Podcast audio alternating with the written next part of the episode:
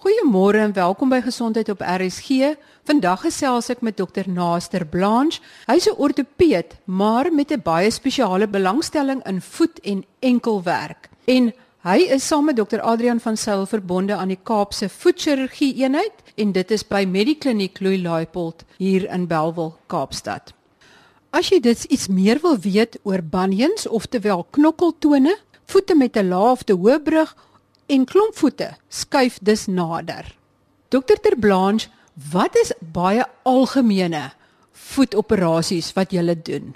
Goeiemôre en baie dankie vir die geleentheid om te gesels. Miskien moet ek net begin om te sê hoe ons ehm um, pasiënte benader as ons probleme kry. Ons probeer meer sindromies te kyk na die patologie en die probleme wat ons mee te doen het. So kyk presies waaroor die pasiënte kla en dan probeer ons die legkaart bymekaar sit So in die algemeen sal pasiënte kla van meganiese pyn, so dit is pyn in die voet as gevolg van die gebruik van die voet. So as die voet baie gebruik word, sy meer seer versus minder gebruik word, is dit nou nie so groot probleem nie.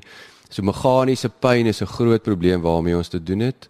Ehm um, die ander probleme is inflammatoriese pyn soos pasiënte wat reumatoïde artritis of 'n sistemiese siekte het wat homself dan manifesteer in die voet. En interessant genoeg die reumatoïde artritis groep pasiënte tot 20% van hulle begin die probleme in die voete baie keer. So ons kyk na die inflammatoriese siekte wat mense baie keer swelling saam met die pyn kry. Dan is daar ook patologiese pyn wat ons sien, gelukkig nie baie nie. Daar's nie baie kankers of infeksies in die voet wat ons sien nie.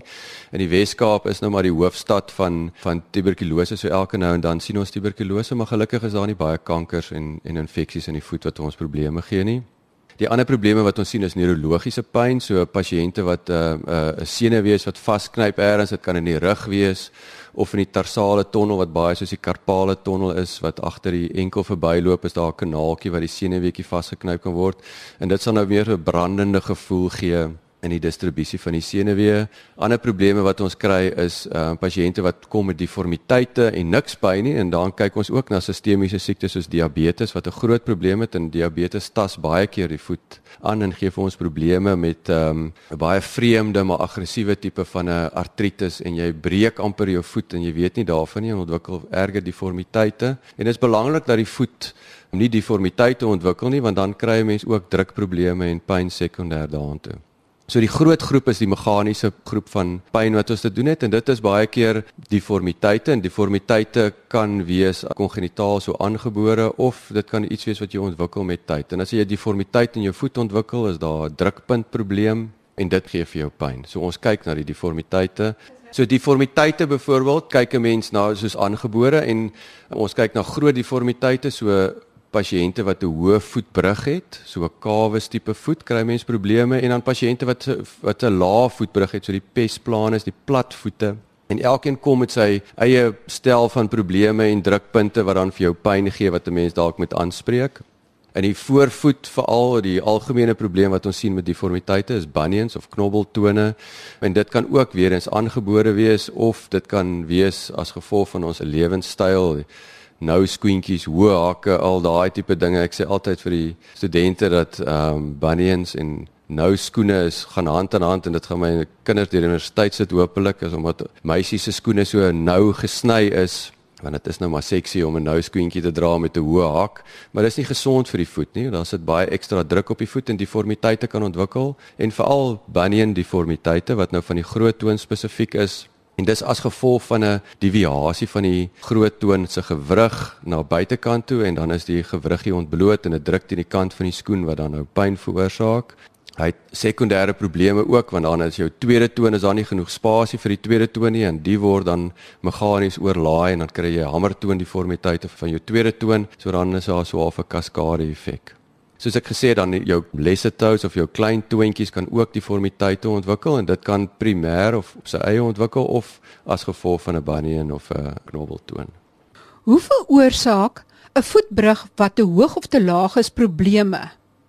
So as ons teruggaan na pasiënte wat se brug te hoog is, die voet is 'n wonderlike struktuur uh met meer as 30 gewriggies in en dit gee obviously dan vir jou baie beweging in die voet, maar jy het stabiliteit ook nodig en die stabiliteit kom van die bene van die gewrigte, hoe hy gevorm is en dan jou statiese stabiliseerders, jou ligamente, maar ook jou dinamiese stabiliseerders wat jou spiere is. En dit is belangrik dat die spiere gebalanseerd is. Jy kan nou dink aan Pinocchio met die toutjies wat sy arms rondtrek. As jy een toutjie afsny en dan dan werk Pinocchio nie meer nie. Dieselfde werk in die voet ook. So daar's spesifieke patrone van spierswakheid wat ons sien wat dan vir jou 'n kawesvoet of 'n hoë voetbrug kan gee. So die algemene oorsaak daarvan is dan neurologiese probleme, so wat ons sien in families is Charcot-Marie-Tooth siekte, wat 'n motoneuron siekte is wat 'n familiele agtergrond het. En dan kry mens deformiteite. En met die wat jy die hoë voetbrug ontwikkel, is daar ook 'n wanbalans in die klein spiertjies tussen die spiere wat van in jou kuit afkom, jou ekstrinsieke spiere en jou spiertjies wat binne in jou voet is, jou intrinsieke spiere. En dan kry jy klou van jou kleiner tone, so jy kry klou deformiteite en enige deformiteit sal of op die plantare, die sool deel van jou voet drukpunte veroorsaak of op die bodeel van jou voet soos wat dit teen die skoen druk sal dan drukpunte veroorsaak. So die klou tone gee vir 'n mens pyn. En dan is die voet wanbelyn ook as gevolg van die hoë voetbrug.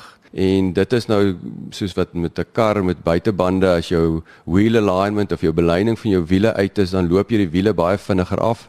En dis presies wat met die enkel ook gebeur as gevolg van 'n kawesvoet. Soos wat 'n mens in later in die lewe kom, begin jy jou enkelgewrig afloop en jy begin artritis ontwikkel wat 'n mens moet aanspreek.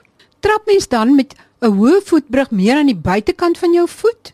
So mens strap dan soos jou voetbrug hoog gestrap jy meer in die buitekant van jou voet en jy mens kry probleme in die buitekant. Jy kry die buitenste oppervlakte van jou voet dra meer gewig en raak ook seer. En as gevolg van die wanbalans later aan kan jy jou ligamente begin seermaak en jou ander spiere probeer oorwerk en hulle begin ook later aan probleme kry. Maar die groot probleem wat ons in die langtermyn kry is maar ook artritis van die enkel. So platvoetdeformiteite wat nou pesplanus genoem is, 'n pes is nou voet en planus is plat. As jy nie 'n hoë voetbrug het nie, dit is twee groot groepe waarna ons kyk, die groep wat 'n kinderprobleem is, wat jy mee aangebore is en dan die groep wat later kom. So ek werk meer met volwassenes. So die groep wat later presenteer, gewoonlik dames in hulle 50, 60er jare sê hulle as jou ouma sê sy het haar voetbrug het ewe skielik plat geval en dis as gevolg van een van die tendons wat ruptuur of seer kry is baie soos wat in die skouer mense rotatorkraag wat hulle dink 'n bloedvoorsieningsprobleem het wat dan spontaan afskeer of ophou funksioneer. Jou tibialis posterior tendon wat jou aan die binnekant van jou voet werk en jou voetbrug ondersteun En as hy dan nie meer werk nie of afskeer, kry mense dan 'n progressiewe deformiteit van jou voet wat nou plat raak. En dan het jy ook nou ander probleme wat die teenoorgestel is van 'n hoë voetbrug. Jy begin loop aan die binnekant van jou voet en jy mens begin kallositeite en seer raak aan die binnekant van die voet Mens kry dan later ook aan die buitekant van die voet beklemming van die gewriggie, so jy kry nie net aan die binnekant waar jou voetbrug nou kontak maak met die grond, 'n kallositeit en seer, maar ook aan die buitekant knyp die gewriggies vas en gee vir mense meganiese pyn. En daai pasiënte presenteer met 'n unilaterale platvoet, so dis 'n platvoet wat net aan die een kant is en in gewoonlik, soos met alles in ortopedie en medisyne probeer ons die konservatiewe roetes eers jy probeer met binnesoeltjies om die voetbrug te ondersteun en die regte fisioterapie en biokinetiek sien te kry om ons te help om verbyde te kom maar baie keer eindig die pasiënt ook by chirurgie wat ons korreksies moet doen. Kan julle die tendon herstel of hoe kry julle dan weer die funksie terug? Met 'n volwasse aankoms van 'n plat voet hang af hoe ver die deformiteit gevorder is. Soos wat 'n deformiteit ontstaan, raak hy later aan rigied en stig en dan is dit nie baie keer moontlik om rekonstruksie te doen nie. Vroeër in die siekte kan 'n mens rekonstruksie doen. Ons het 'n paar ander tendons in die voet wat ons kan gebruik om in daai groot tendons se plek in te sit. En dan fisies met die hulp van osteotomies waar ons die been breek, herstel ons weer jou voetbrug en dan die laat ons nou 'n sagte weefsel balansering weer gedoen het met die ander tendon in te sit waar die tibialis posterior tendon was en afgeskeer het, kry mense dit nogal reg om die voet weer te herstel, die funksie te herstel. Is die voet en die enkel nie 'n moeilike struktuur om mee te werk nie? Dit het dan so baie beentjies, gewriggies, tendons en spiertjies. Dit klink vir my baie ingewikkeld. Ja, ek dink die moeilike deel van met voet en enkels en die patologie daar rondom is is die besluitneming. En dit is baie keer baie moeilik om agter te kom presies wat die probleem is en dis hoekom ons hierdie sindromiese benadering volg om te sê ons kyk waar die pasiënte kla en dan probeer ons die probleem uitwerk. Maar jy is heeltemal reg, dit is 'n baie komplekse driedimensionele struktuur met klomp gewriggies in en dis ongelooflik hoe 'n klein nie funksionele deurtjie van hierdie ehm um, voet 'n groot effek kan hê. Gaan kyk gerus op www.rsg.co.za. Daar het ek interessante sketse en foto's gelaai van hoe 'n voet lyk met 'n te hoë brug, te lae brug, 'n klomp voet en natuurlik bunions en hoe dit dan reggemaak word. Gaan kyk gerus daar. Daar's ook 'n skakel na 'n baie interessante simptoomchecker wat jou kan help om vas te stel wat fout is met jou voet. Ek gesels nou verder met dokter Naster Blanche van Medical Clinic Louis Laipold en hy is 'n ortoped met 'n spesiale belangstelling en voet en enkelprobleme en hy en sy kollega konsentreer net op operasies op voete en enkels. Ons sit nou die gesprek voort. En met 'n bunion, waar dit lyk of jou voete Wellington toe loop en jou een groot toon woester toe en die ander een Stellenbosch toe mik, is dit dan been wat jy wegsny? Kyk, die groot probleem met 'n bunion is jy het 'n bunion, die knop aan die kant van die goed, maar dit is eintlik die deformiteit, die feit dat die groot toon se gewrig buitekant toe kyk, so 'n laterale deviasie van die groot toon se gewrig en dit jy moet daai beleining regkry. So weer eens doen ons osteotomies, ons sny die been deur met 'n saagie baie gekontroleerd en maak die deformiteit reguit en kry die gewriggie weer dat hy reg sit in sy in sy plek. Ons sny ook die banie en die knop weg want soos wat die reaksie van die liggaam soos wat die kant van die voet nou heeltyd teen die skoen druk en skaaf, moet die vel homself beskerm so die vel raak dikker en die beursaadjie die kussentjie wat daar sit raak ook dikker en groter en die been selfs raak meer prominent. En dit saag ons nou maar af en haal die beursa uit, maar dit is verskriklik belangrik om te kyk na na die beleining van die toon en die beleining van die toon reg te kry en die voet bietjie nouer te maak want die voet raak breër soos wat jy 'n bunion ontwikkel soos wat die toon devieer die groot toon devieer en dit mens moet kyk na die biomeganika want die groot ding op die einde van die dag is om seker te maak dat jy die biomeganika van die groot toon herstel want die groot toon moet sy 25% gewig van die voet dra as jy loop andersins kry die tweede toon en die derde toon weer probleme so Ehm um, dit is belangrik om die biomeganika reg te stel. Dis maar die wat ons wil hê. En ons kyk na die klein sesamoïd beentjies wat onder die groot toon is om seker te maak dat hulle presies weer onder die groot toon sit en hulle gewig reg dra. Hoe lank duur so 'n operasie en hoe lank is die hersteltyd? Ja, dis een van die groot probleme waarmee ons dit doen uiteindelik is die voet hou nie eintlik van operasies nie. Dit vat lank om te herstel. So die operasie self, ehm um, as jy kyk na 'n bunion operasie vat tussen 'n uur en 2 ure hang af hoe moeilik die operasie is. Ehm um, ons doen dit in teater natuurlik onder steriele omstandighede met gewone tonike aan sodat daar 'n bloedlose veld is. Dit maak dit makliker om te opereer. Die eerste 2 weke na die operasie is verskriklik belangrik. Ons sê altyd vir die pasiënte hulle moet 55 minute in elke uur moet hulle voet bo hulle hart lê om die swelling af te kry en dit is 'n moeilike ding om reg te kry om jou voet bo jou hart. So jy moet eintlik maar in die bed lê met 'n kussing. En dit is maar baie frustrerend in die begin om vir 2 weke net rond te lê en niks te doen nie, maar dit is baie belangrik. Pasiënte kan dadelik begin stap saggies op hulle hak, maar baie met baie limitasie.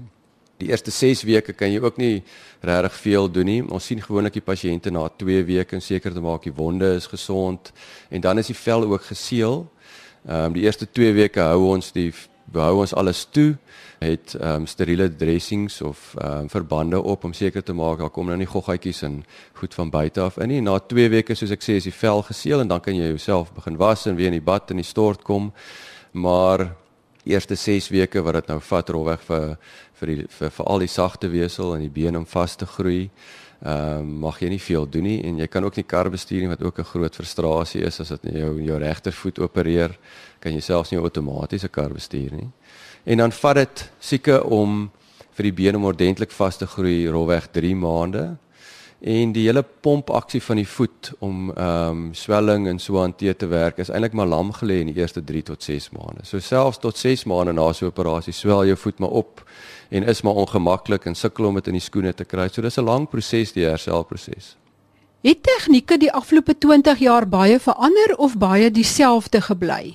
Ja, dis eintlik baie interessant want die die die ou vaders van ortopedie het het het hierdie operasies al lank terug beskryf en gedoen en ek dink ons het dit so klein bietjie verfyn. Verfyn die die tegnologie het verander. Ons het baie meer ehm um, beter ehm um, implantate soos klein skroefies plaas van net 'n draadjie insit of 'n plaatjie wat baie stabiel is ehm um, ehm um, wat ons nou tot ons beskikking het. En die, en die ortoses het ook 'n klein bietjie verbeter. Mense kan nou skoentjies aantrek na die tyd wat jou voet meer beskerm in die ou dae. Ehm um, was uit almal in gipse geëindig wat ook nou klomp drama was en nou het jy 'n skoen wat jy kan afhaal. So daai daai da het dinge het verander, maar dis nog snaaks genoeg baie van dieselfde operasies wat 20 of selfs 50 jaar terug beskryf is wat ons nog steeds doen en die name wat daaraan betrokke is McBride en Silver, dit is oomies wat al lank terug oorlede is wat wat die operasies beskryf het.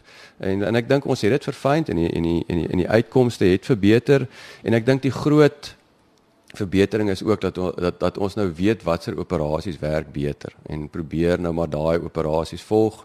Dit is maar 'n moeilike besluitneming om te besluit watter operasie om te doen ook want almal is alle pasiënte is anders en daar is so klein verskilletjies selfs hè Ja, dink jy 'n bunion is 'n bunion, maar dit is nie so nie as jy mooi in detail gaan kyk. Is daar maar verskille en mense doen verskillende operasies op verskillende pasiënte.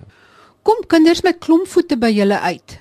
Volwassenes met klompvoete kom by ons uit wat ehm um, nie sulke goeie uitslae gekry het op die einde van die dag nie en ehm um, die beentjies in die voet ontwikkel nie goed nie en die gewrigte ook nie en dan is hulle geneig om as gevolg van die deformiteite wat nog steeds die residuele deformiteite drukpunte te ontwikkel wat pyn is maar die groot probleem is ook dat jy te doen met abnormale gewrigte ehm um, en wat abnormaal gelaai word en dan kry jy vroeë osteoartritis of artritis van die gewriggies.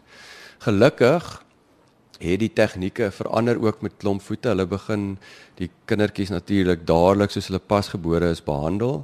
En ehm um, daar's nou nuwe tegnieke wat ons gebruik wat jy die die voetjie manipuleer in 'n gipsie sit, die Ponseti tegniek wat ehm um, wat baie beter uitslaai het as die ou die ou tegnieke wat gebruik is en dit maak ook operasies as jy dit reg toepas en die pasiënte reg opvolg en en na kyk maak operasies omtrent nie meer nodig in 'n klompvoet nie. So die uitslaat baie verbeter in daai opsig.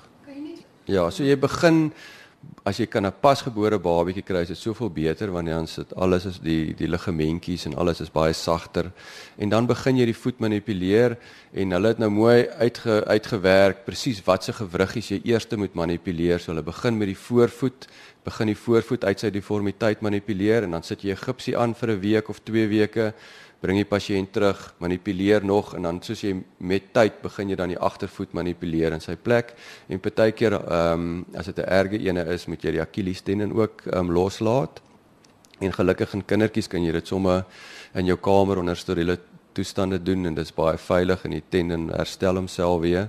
So dis 'n dis 'n dis 'n dis gipsies wat 'n mens aansit elke week of 2 weke en die kinders dan soos wat die voet gekorrigeer is, moet dan ook in spesiale skoentjies ehm um, tyd spandeer wat die voet in 'n gekorrigeerde posisie hou en dit is verskriklik belangrik dat die ouers tot selfs met die ouderdom van 4 jaar die voet nog steeds manipuleer en seker maak dat daar nie regressie is van die deformiteit nie. Maar ja, die die klomp voete, die ehm um, kongenitale deformiteit van die voet kan 'n mens deesdae met die regte tegnieke, met die Ponseti tegniek manipuleer en hierdie kinders het amper normale voete op die einde van die dag. Volgende week sluit ek hierdie program oor voete en enkels af. Ek gesels weer met dokter Naster Blanche en ons gaan kyk na hamertoon en glo dit as jy wil enkelvervangings. Ek wil net terugrapporteer oor die kwessie waaroor ons verlede week gesels het oor die jong nuut gekwalifiseerde dokters wat nog nie almal hospitaaljaarposte het nie en die situasie is nog steeds nie opgelos nie en die departement van gesondheid het nog steeds nie teruggekom na my toe nie. Dan het ek baie goeie nuus. So tydjie terug het ons mos gesels met dokter Vilje Jonker wat uh, bekend gemaak het dat 'n nuwe hartoortplantingsprogram vir kinders nou in Johannesburg gevestig word by die Sunninghill Hospitaal en ek kan vertel dat die eerste oorplanting in hierdie program verlede week gedoen is. Die dogtertjie van 12 jaar vorder baie goed en interessantheidshalwe 3 van Suid-Afrika se heel beste kinderhartchirurge was in die teater gewees. Dit het so gewerk. Dr. Susan Vosloo het 'n skenkerhart van Kaapstad af na Johannesburg geneem waar Dr. Rob Kingsley, baie bekende hartchirurg van Johannesburg en Dr. Vilje Jonker reeds besig was in die teater. Uh, Dr. Susan Vosloo het by hulle aangesluit en die hartoortplanting is met groot sukses in Johannesburg in die Sunninghill Hospitaal gedoen. Soos ek gesê het, die 12-jarige dogtertjie vorder baie goed. Dr. Vilje Jonker is baie tevrede met haar toestand. Sy het langer as 'n jaar op 'n skenker gewag. Die hartseer nuus is, is dat daar nog kinders in Johannesburg en in Kaapstad op 'n hartoortplanting wag. In die Sunninghill Hospitaal se kinderwaaksaal is daar tans 'n klein dogtertjie. Sy's 2 jaar en 9 maande oud, weeg maar skrale 11 kg en haar naam is Eldana. En sy wag baie dringend op 'n hartoortplanting.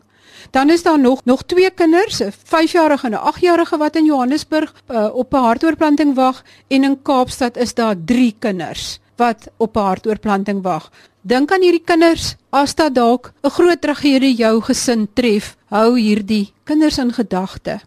Ons gesels aan volgende week verder gesondheidsake. Skryf gerus aan my by gesond@rsg.co.za. Maak voorstelle of vra vrae en ek sal help waar ek kan. Tot volgende week dan. Totsiens.